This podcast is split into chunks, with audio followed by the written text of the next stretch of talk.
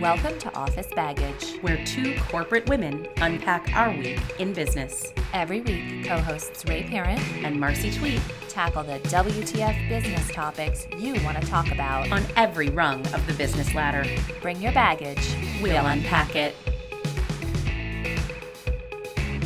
Today on Office Baggage, Because tackling the taboo topic of motherhood was not enough, today we're taking on white privilege. Hey Ray. Hey, Marcy, how are you? Good, happy Friday. Right back at you. We are here at Kellogg again. With more Kellogg EMBA classmates. I know, it's so wonderful. Welcome. Thanks we're, for having us. We're excited to have you guys.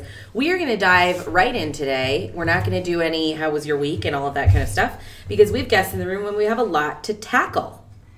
So many of our prior episodes deal either explicitly or implicitly with male privilege. We've talked about the extra thought that we need to give as women relative to how we advocate for something without sounding bitchy, or how the beverage choice we make at the office holiday party is going to resonate with people around the table.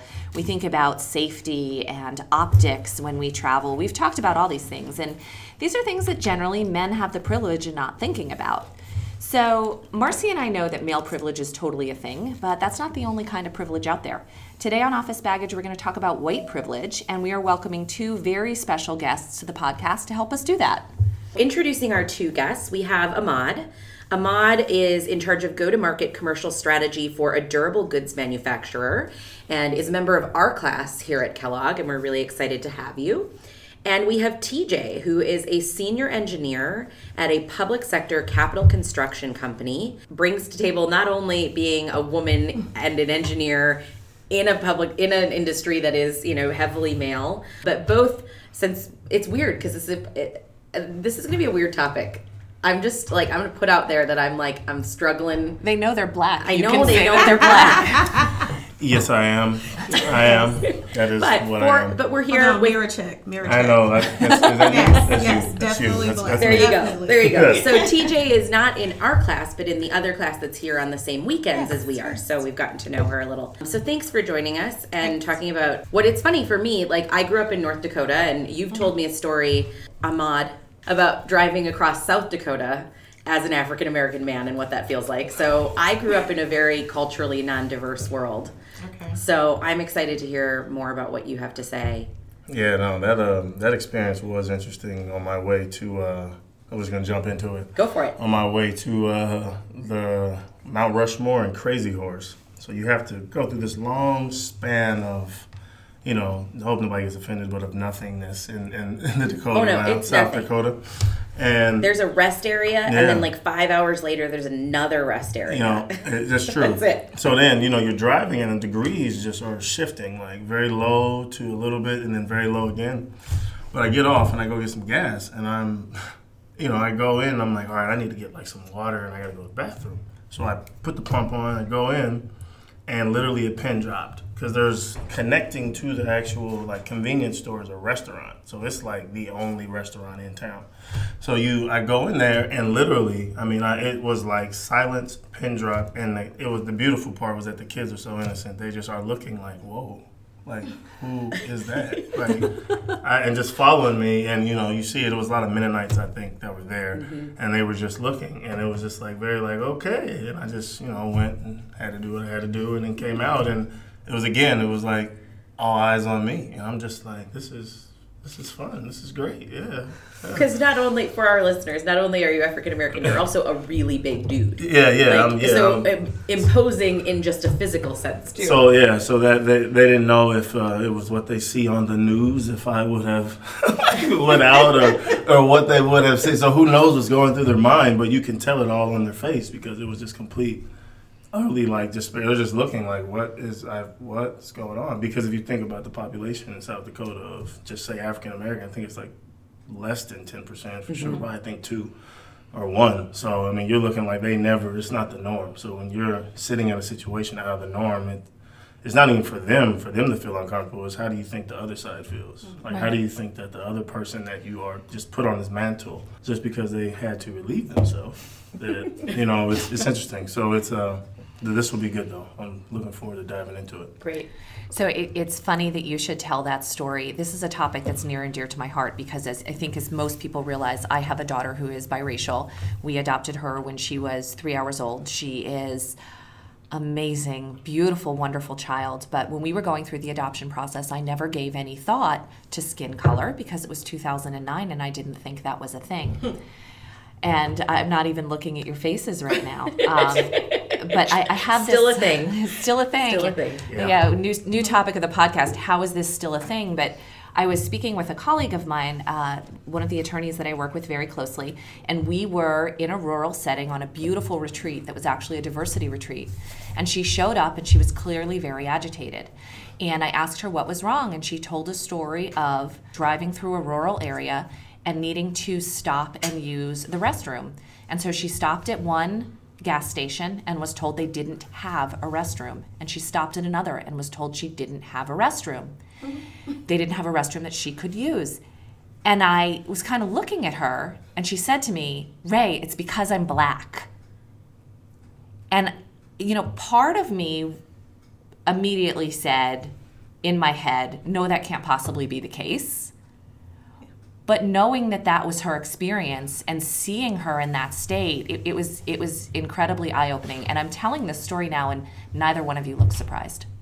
unfortunately it's it's it's really a reality and um, i think you know my life story is what it is and i don't make excuses for um, the journey it, it you know you, you but it, it is it's sad that it's a norm for us it's sad that we have the expectation that when you go into a gas station that people are going to look at you like you're a science exhibit. Um, it's sad that when i take my kids to the museum um, we get stared at like how many of them is it? You know like you can't go 10 deep or 15 deep without people you know thinking that being nervous.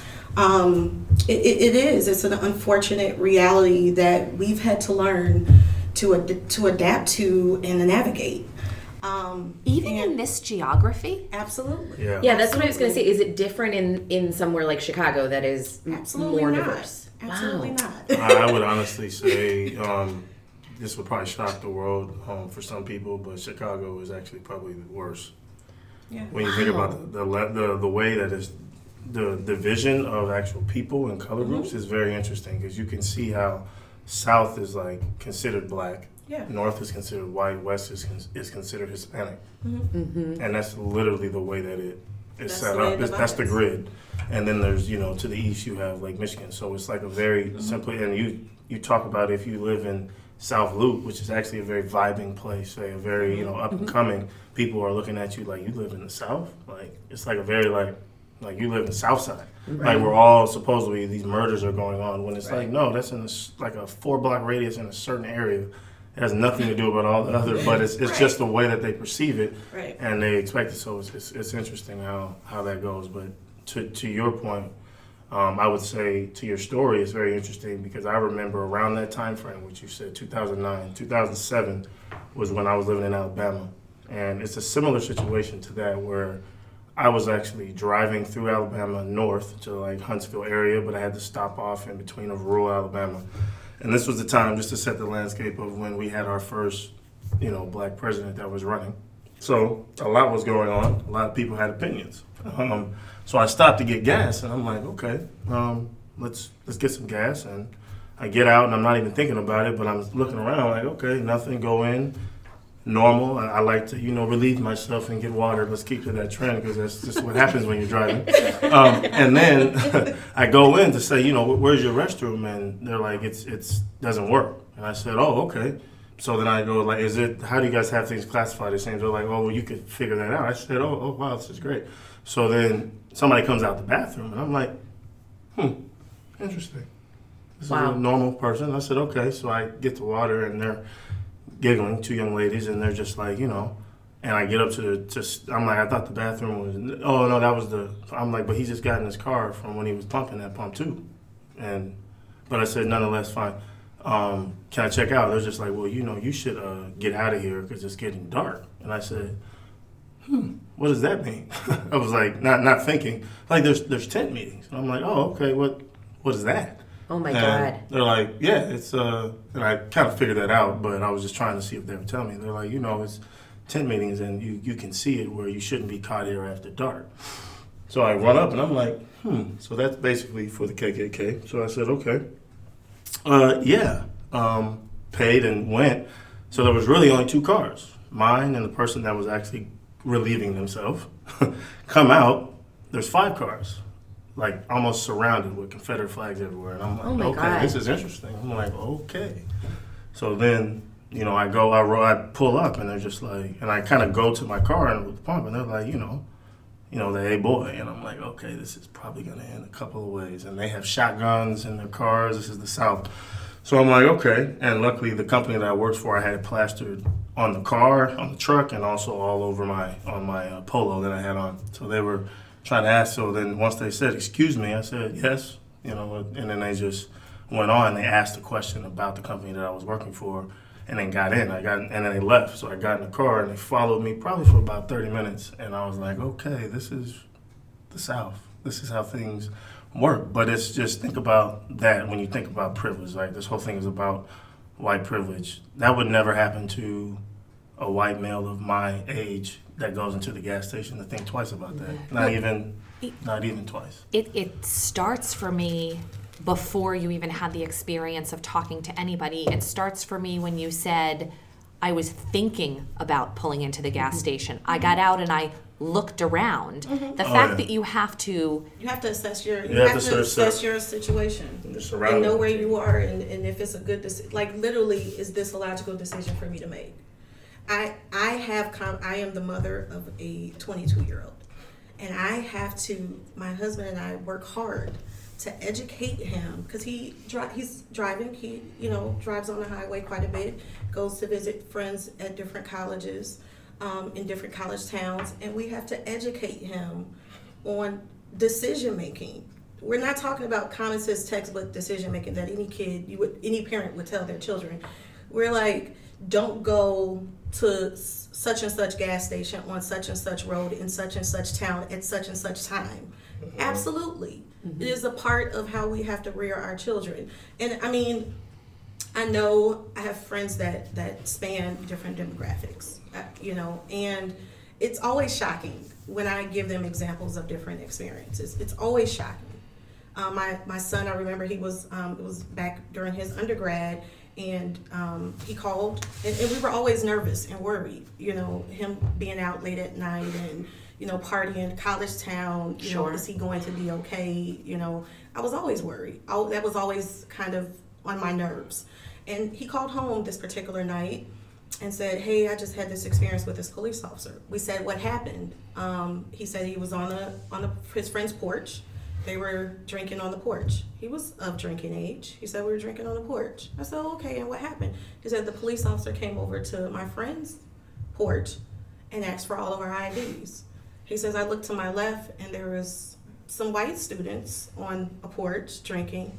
He didn't even say anything to them Oh my goodness. and they had to give their IDs. They had to write down their name, you know, their name, sign this, and they got drinking tickets for being outside drinking. And the the The white, white kids, kids were doing the nothing. exact same thing, and nothing was said. It wound up getting thrown out, but it's it's those experiences kind of prepare you for what life is is like. You know, there is an expectation for us that we have to work three times as hard. We have to be extremely articulate. We have to show up ready to go, ready to run, and be extra prepared because we're not rated the same. We're not viewed the same. Four black boys are viewed as a threat. Four white young men are, are not viewed that way. Mm-hmm. Four white boys aren't viewed that way. And even um, if they had been in that situation, if the police officer had given a ticket to the boys in the next door neighbor, right? I assume that you and, and your son and his friends, you have an, a concern Right. that that altercation of getting a ticket for something Right. could escalate. Exactly. Where the white young men would never have a concern Oh, that yeah. they're doing anything other than getting yeah, a ticket. Yeah. Right. I mean, you, to even that, I mean, you think about like what is the true definition of privilege? It's like a right and immunity to something. Mm-hmm. That's that clear situation that she just described. Is they were immune to it, didn't even think twice. They probably were drunk and were laughing at it, but yet it's real life for when you have because you have to think about these things constantly about what you do. I mean, if you think about getting to her earlier point about being pulled over. I mean, you have to think about how I was trained just by my father. Don't don't be aggressive. Don't be. Don't try to be very. You know, like why are you doing this? Literally, it is simple. Grab your license, your registration, your insurance. Roll the window down. Put it outside the window before they even get there because they're already anticipating you have a gun. You mm-hmm. have something. You're mm-hmm. going to be violent. You may have drugs. So if you're that way, it usually throws them off because you are automatically there, even though you're not supposed to do that. Because they're supposed to read what have you done first, and then it's like okay, and from that you can do that. But it's instantly that we don't get that. We don't get that break. It's that simple like that where then they get kind of caught off guard and they're like, oh, oh, oh, and then they have to go and figure it out. Mm-hmm. And that's usually how sometimes you can get warnings more oh. so than actual tickets. But that's just the way that I was taught growing up. Yeah. That's I have a, a good friend, male African American guy, who always, when he drives, puts his license and registration in the center Yep. console so that he doesn't have to reach for anything. Mm-hmm. Exactly. So that if he gets We- pulled and up, that's exactly what we have our son do. oh my goodness, Don't put your It's wallet so in your sad. pocket because we don't want you digging behind you or to get your wallet out. Keep your wallet in the console with your registration so it's it's right there, it's visible. You can reach for it and hand it to the officer. And this, I mean, uh, my husband is in law enforcement. My husband has I did know that. I have met your husband, yes. in law enforcement, and Wow. he has to train his son to look out for the very people that he respect and work for. So it is a very cha- it's challenging, and sometimes it can be disheartening um, and exhausting, to be honest. It's privilege. But yes. Think about that privilege. I don't know how many. I don't. That doesn't happen in white households. I would. No. I have a mixed race household, and I don't I don't profess to see the same things mm-hmm. that, that you guys see and have grown up with, but I have noticed, and we've talked about this on the podcast a bit. Like my kids are kids, and they definitely have moments when we're in public. They're seven year olds. Look it, they are. I love them. I would die for them, but they both can equally be obnoxious, obstreperous, what Child. have you. They're they're mm-hmm. children, mm-hmm. and we parent that. The looks that my son gets versus the looks that my daughter get mm-hmm. and I get, completely different. Mm-hmm. She is already, well, she's seven now, but from the time she was three or four, held to a different standard mm-hmm. by way of what was acceptable for her behavior. Or better yet, have you ever had the people that come up to you and say, "Oh, God bless you. Oh, Oh. that's so great." Like you know, you you know, because you have this black kid, it's like, "Oh God, you're raising this black kid," and it's, come on, really? It's my daughter. Are, are we really there? like, this is my child, Right. But you know, it's it's looked upon different. Do you think people would walk up to you and say, "God bless you," if you were walking with your your white son well, my son and she wasn't there? You know, has actually said something, which says something because he's a seven year old boy, so he's dense by definition. But he said to me, this was a good six months to eight months ago, he was like, Why does everybody come up and talk about how cute Maya is? Yeah. oh, yeah. He's like, I'm cute. Mm-hmm. Luke, Yeah. he is cute. He's super cute. But it's it's that idea that people have to mm-hmm. feel like they have to go out of their way Yeah. to make it known that they notice that you have a black kid. Mm-hmm. You know, and it's it's it like I said, it's just it's frustrating, but it's a reality. And even when we talk about privilege, one of the things that is um, extremely frustrating to me um, in this political climate we're in, and you know, with the police and, and the communities, and, and how everyone just everyone's sensibilities are just completely at a high alert.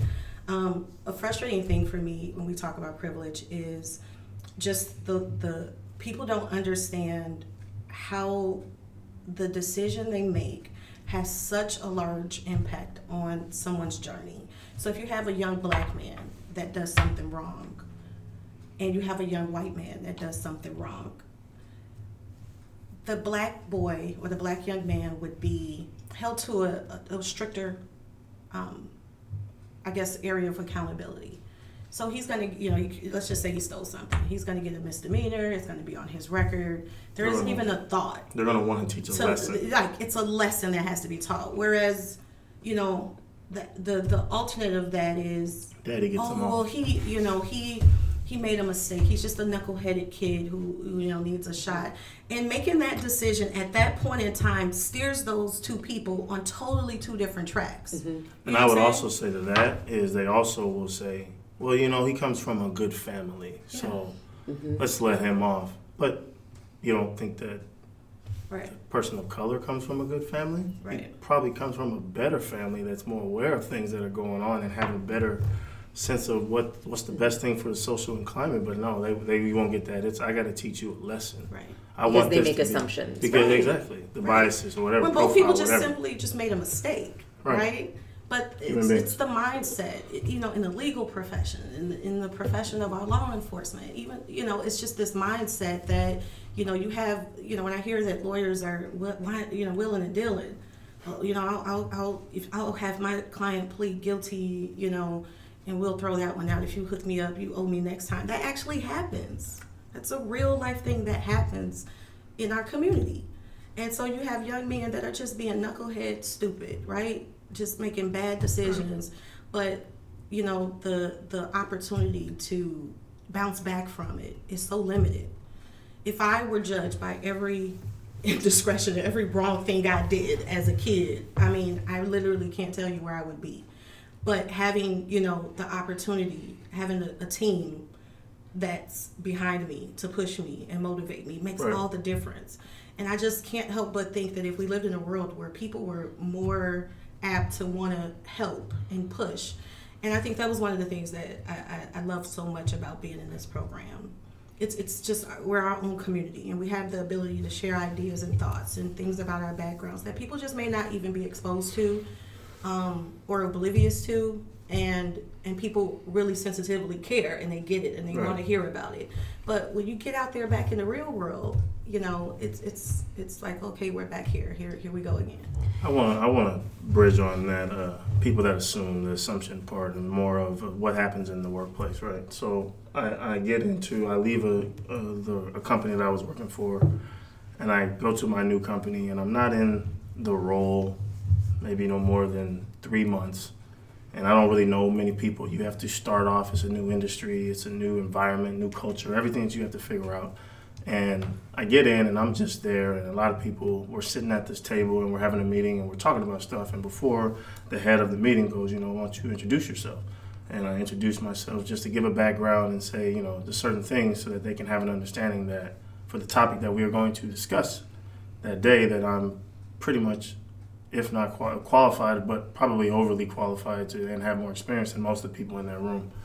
And it was funny because in the middle of my introduction, a person that was sitting literally, I can clearly remember this to my left, at the end of the table says, Why don't you tell them about your criminal record? And I go, pause, like, and there was a there was a legal person that I was introducing myself to about it. It was like, wait, and I said, well, you know, I- my face changed very quickly, and nobody knew how to handle it. It- the, the room just got silent. And I said, you know, don't mind him. He speaks out of turn all the time. Um, but it was a pleasure meeting you. Pleasure was all mine. That's what the, the guy says. But I'm thinking about that situation that you assume that I have a criminal record when I'm probably the cleanest person in the room.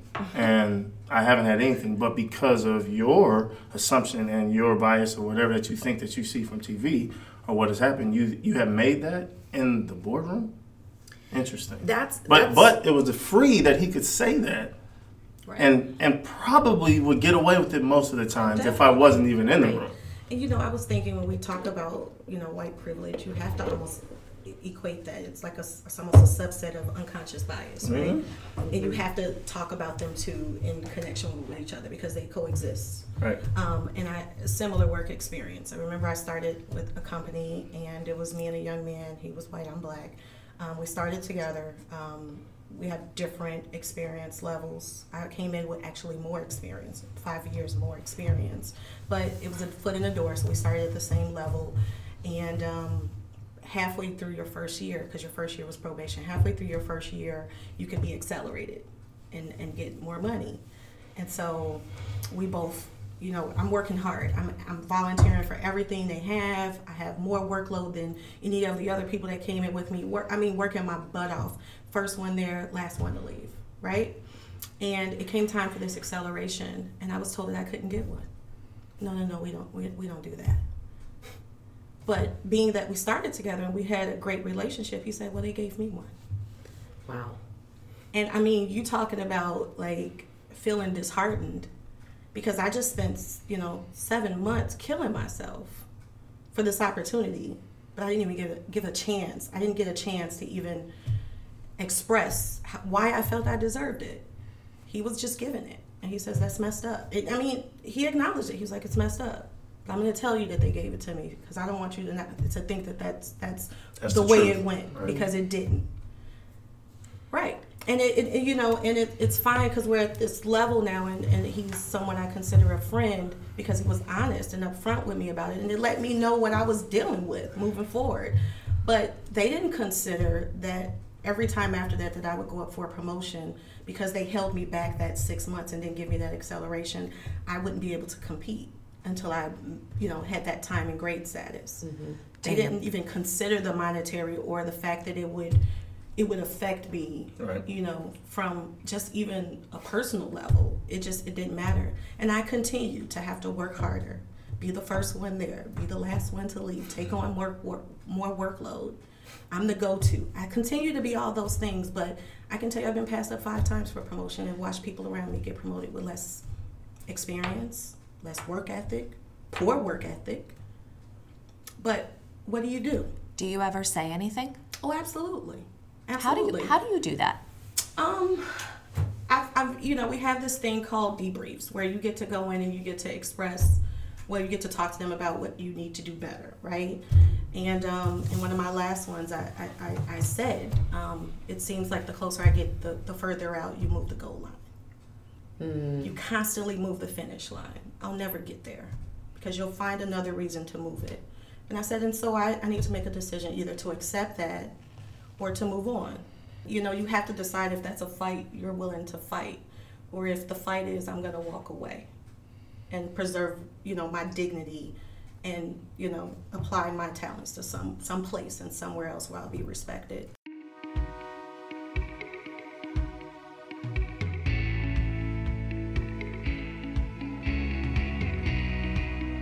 Thing that I really wanted to ask you to as we're thinking about all of this, and and part of this has been this podcast has been educating men. I think we love talking about stuff with women and and all of this, but I've been really flattered, and even on our last podcast with the, the our three male guests said, you know, they had never thought about um, some of the things that we were talking about when it comes to women in business, and it it is now causing them. Um, to become better bosses, better advocates for the women on their teams. So mm-hmm.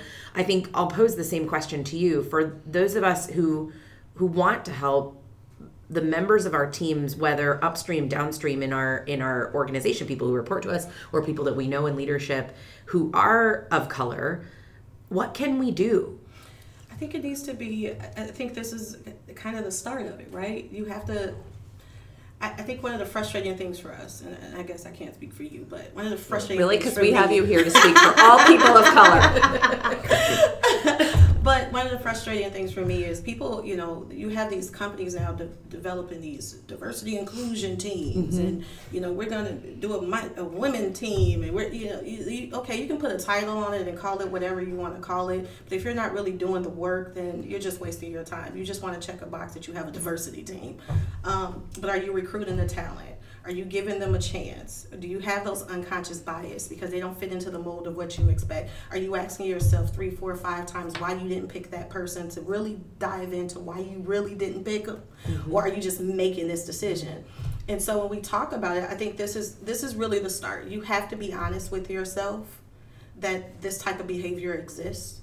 You have to be willing to be in the room and listen as well as speak. I, you know, when I talk to, like I said, one of that, that same guy, we talk all the time about we, we, you know, we have two different political point of views.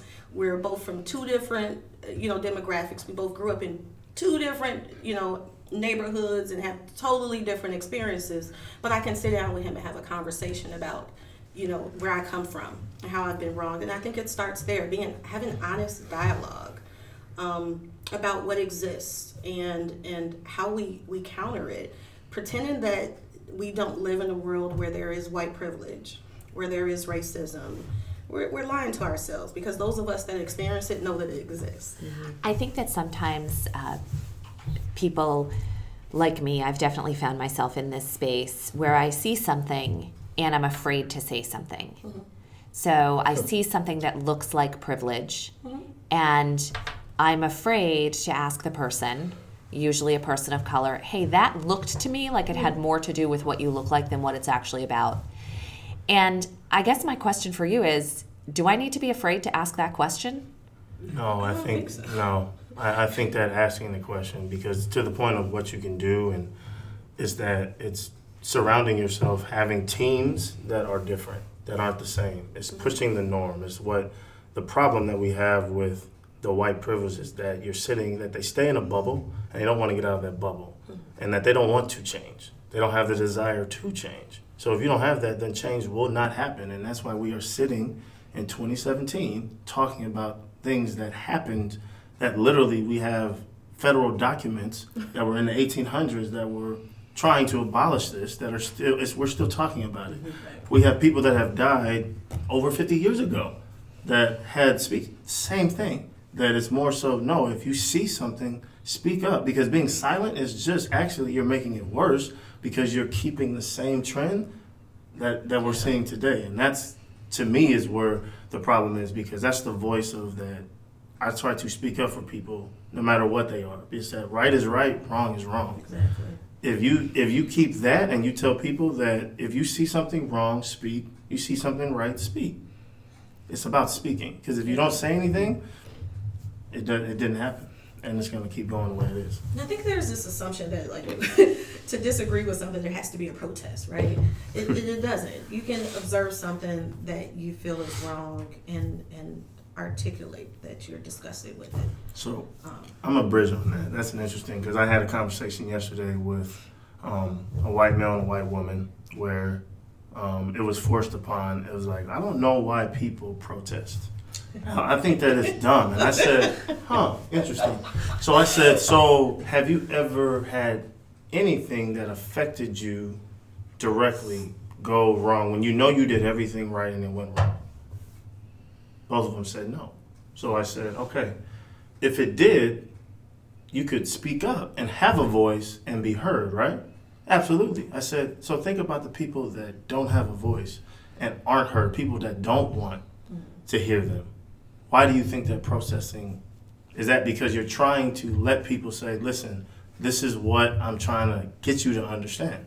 And that just really hit home because I was thinking like, man, going into this and that just happened yesterday. I'm like, I mean, nothing has really changed. It's the mindset of people because they don't want to change. Because when you think about if everything, if the cards are at your uh, are in your favor, and everything goes your way, the system is set up for you. Even if you're not fully capable or the smartest in the room, or know how to be a dynamic leader, you still get to those levels.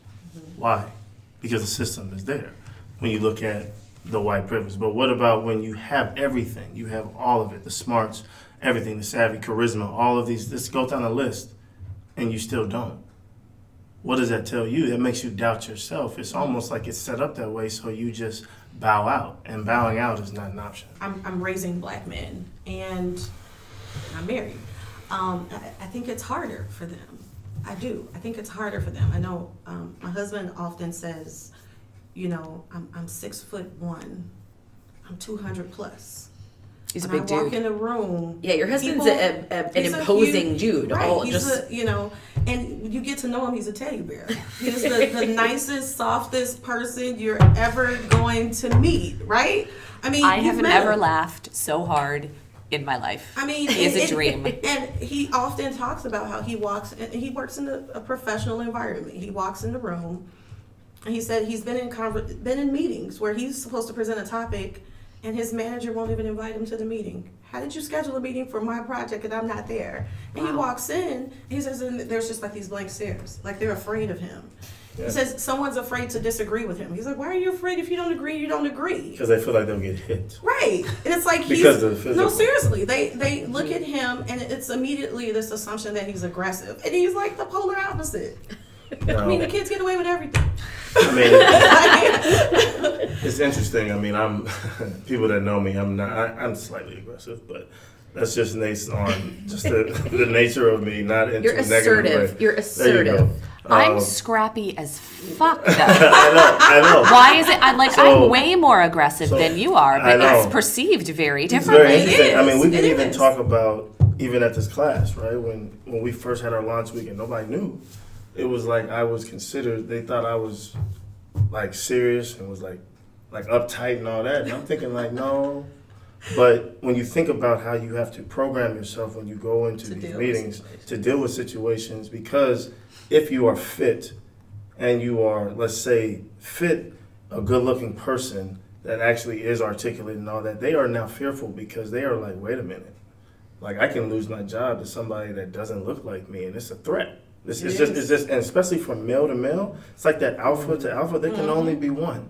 That's Right. that that concept. We are mammals, just like wolves. There can only be one. Like it is a simple thing, and that mindset that goes on, and it, and there's a. I mean, just from another work situation, I remember going into a meeting, and there was a my finance person was uh, African American also, and the person that had to set up the meeting was an analyst that was uh, older. Um, so he was it, was. it was interesting because he was older and white, and he said, you know, he set this meeting up. So he was already like, wait a minute, these two senior people are of African American descent. He already had a problem. So then, but the finance person was actually uh, his his wife was actually about to basically have the baby anytime. So he's like got a false alarm, but he's like, hey, I have to leave. Can you? I said, well, I'll take care of this. Don't you worry about that. Go, go take care of your wife. Like that's a better and bigger thing happening. And I walk into the meeting, and he goes, well, I just wanted to let you know that I told, um, you know, the gentleman not to come because when two or more black people get in the room, I get nervous. and I go, Yeah. I mean, it was it was a very silent because I'm thinking like, okay, How- we're in this room full of glass, and I'm like, so do I come through the wall and and like knock you through it, or but that's what they expect me to do because that's what they expect of people of color to be very violent because that's what is perceived in media and, and in the world that we are violent. Um, Someone literally said that to you in a professional context? oh, Yeah, do you know, I had, Oh, yeah. I had a manager tell me uh, when I was pursuing researching grad programs, and I told him I was going to apply for a grad program, and what did he think about certain programs? He told me I should be thankful that I got my engineering degree and graduated. Real time happened, yes, to my face. Yes. because There it's- are some it's- it's- ignorant people in this world. But that's that's it's, It's an- interesting to me because hearing hearing you both talk, I think I knew I know that there are ignorant racist people in the world. I'm shocked at how open people will still oh be about it. Yeah, oh well, yeah. Like I thought that the Well, racists but at it's- least sort of hide their Because racism. what- and what's Talk the- about try- privilege, Seriously, though. but You were- but this is this is the topic of today. Right, It is. you're It's talking about privilege. privilege. What, you know, there's this expectation um, that I can say what I Mm-hmm. want to say. I can act the way I want to act, and what are you going to do about it? So has it talk about that? Has it meaningfully gotten worse since the election? Yes, yes, yes. Because it, it was Absolutely. always like if Absolutely. so. What he said was offensive. It was before the election. What he said was offensive, but he said it to me one on one. I'm now having experiences where people are just like blatant in groups, kind of expressing their disdain for certain things and out loud and outrageous. And, you know, regardless of what side of the coin you fall on, I, I you know, I think from a political point of view, I, I don't agree with a lot of it, but people have a right to choose and, and, and go in the direction they feel they need to go in. I don't have to like it. I don't have to respect it. I don't even have to agree with it. That's your view. That's your right. Um, but when you go out of your way to degrade people and disrespect people and attack people, um, it, it, that's another level. I, I, ta- I take the side of no, it has not gotten worse because I honestly was Like how much worse living. can it I mean, it's yeah, right. But I would say no. More so, it was that even before it was very people were very upset when we had the commander in chief Yes, that that was was black. Oh. African yeah. American. The, the the things and these were I mean, the, the stories that I'm telling you are at the time frame of when he was in office. Mm-hmm. That's So true. for me, it was more of no, and I think that now it may seem like it's gotten worse because now people have a voice. They can they can tweet, they can put things on Facebook. There's these devices and mechanisms that they, no matter where you are, you can say something and nothing truly will happen. It's, it's just it, because it's the freedom of speech. Right. So to me, I would say no, it hasn't. It's just gotten exposed. Yeah, that's a good point. Same, but with a larger mouthpiece. Mm-hmm. Absolutely. That's so true. And you know what? In this, we hear the term. I remember when the election first happened, you would hear people say, "He's not my president." The new president, he's not my mm-hmm. president, and people would be appalled. Like, how could they say that? You know, he's our president. He got elected, but that wasn't the first time we had heard that. People were saying, Oh, sure. you know, that Barack Obama was not their president, like with authority. Or so we it's only just kind like of- we only like the white side of him. Right. This was like with authority, you know, they were saying it. And it was just kind of like, this isn't new. Where have you guys been? But, you know, we have this saying, uh, my, my, my husband and my father says, you know, hunting ain't fun when the duck got the gun. Was, you know, you know, it was okay when it was you. But now Oh, I it's it. flipped.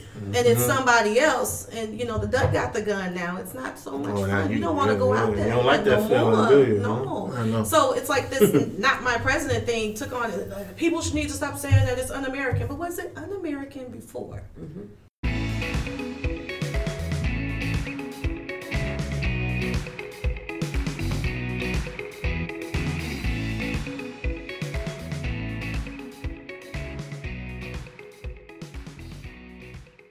You know, if you draw a direct line to the corporate environment and how if you have a colleague that's white, how you know there'll be excuses made. Oh, he just needs a little time. Oh, he needs a little bit more training. Oh, it's not that bad. I hear that mm-hmm. all the time. People who should not have a job, should not be employed at that level, get excuses. Or Yeah. or let's let's promote him so he can work underneath this person. Right. Absolutely. I- I, I- I, I've- am still trying to figure out that one. I've- you yeah. punish someone by promoting them, So that but you can- have a stern discussion with them to let them know that they're inadequate, and the reason why they're being promoted is so that they can work directly with that manager. I mean, or you promote yeah. them because you're going to give them a position that doesn't require them to manage people because they're horrible at it, but they still get promoted, Mm-hmm. and that's the punishment. Do you think I would get that? No, I mean I, I can even say an example of when there was a year that I had an exceptional year at the company and it was like top everything. I mean if, if you if you would have done from every metric, if you would have performed that way and you literally change my complexion and you change the color of my eyes and the texture of my hair, I probably would have got it accelerated two times, two rows ahead mm-hmm. and they say, you know, let's let's, let's give them a lateral move so that, you know, we just want to see uh, get you more experience over here. But hmm, but if mm-hmm. everything was exceeded, but then you go to the side and you explain that, and, and some people are just like, well, no, you know, it's more so. Mm-hmm. There's only a certain level of jobs at the top for people of color because it's it's just it's just percentages. It's number. They don't want to give away their jobs because they may have a buddy that they've grown up with that they want to mm-hmm. take care of, and that's just the system. And that's the buddy system is more of the privilege system. It's the buddy system. We see a lot of that as women too. Mm-hmm. I can imagine it's it's much worse.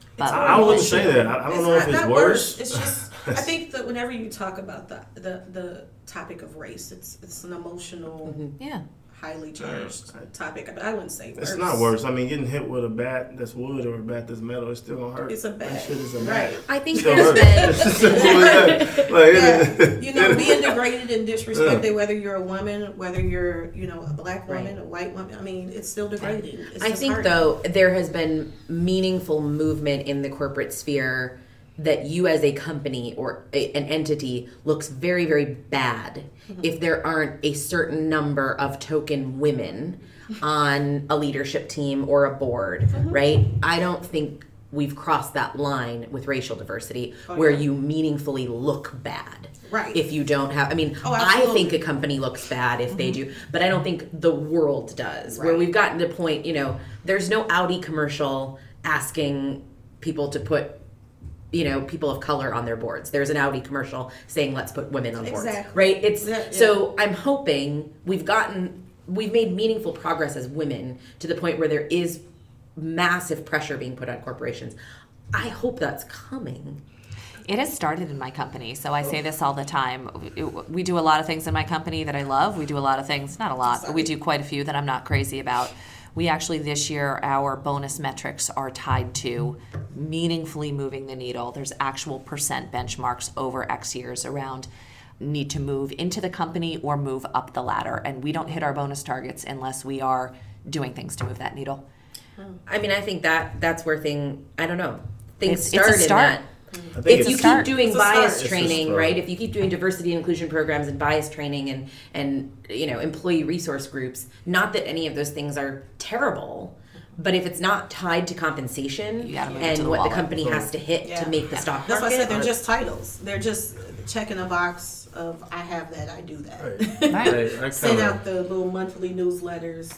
I, you I like it. I think it's it's it's what is needed. It's good that there's some action, but I mm-hmm. also don't quite agree to the point because certain times when it's metrics, people just put people in positions mm-hmm. Mm-hmm. that aren't deserving, and when somebody doesn't perform, they get a bad taste, and that's that person forever. Like Yeah. they'll never. Right. It was you know I tried it with that person and they just didn't perform. Exactly. But did you set them up for success? Did you do that? So it's mm-hmm. more of how do you get the, the full process from start to finish? right. And with those metrics that you're tying, that you will then create this flow stream that actually goes up, and you'll be able to put it. Because I, I just feel like, especially that first impression, right? If this is the mm-hmm. first time you're doing it, and you're just saying, "I just need to do it. I want to hit my bonus. I just want Right. to put somebody in there."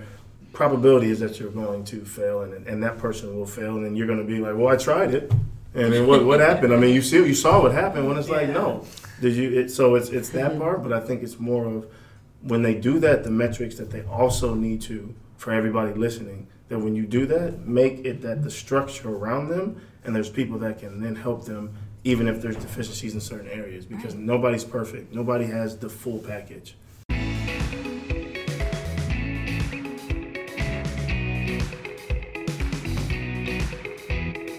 So we've discussed at length, Marcy and I, how we hold women in a position of power to a higher standard.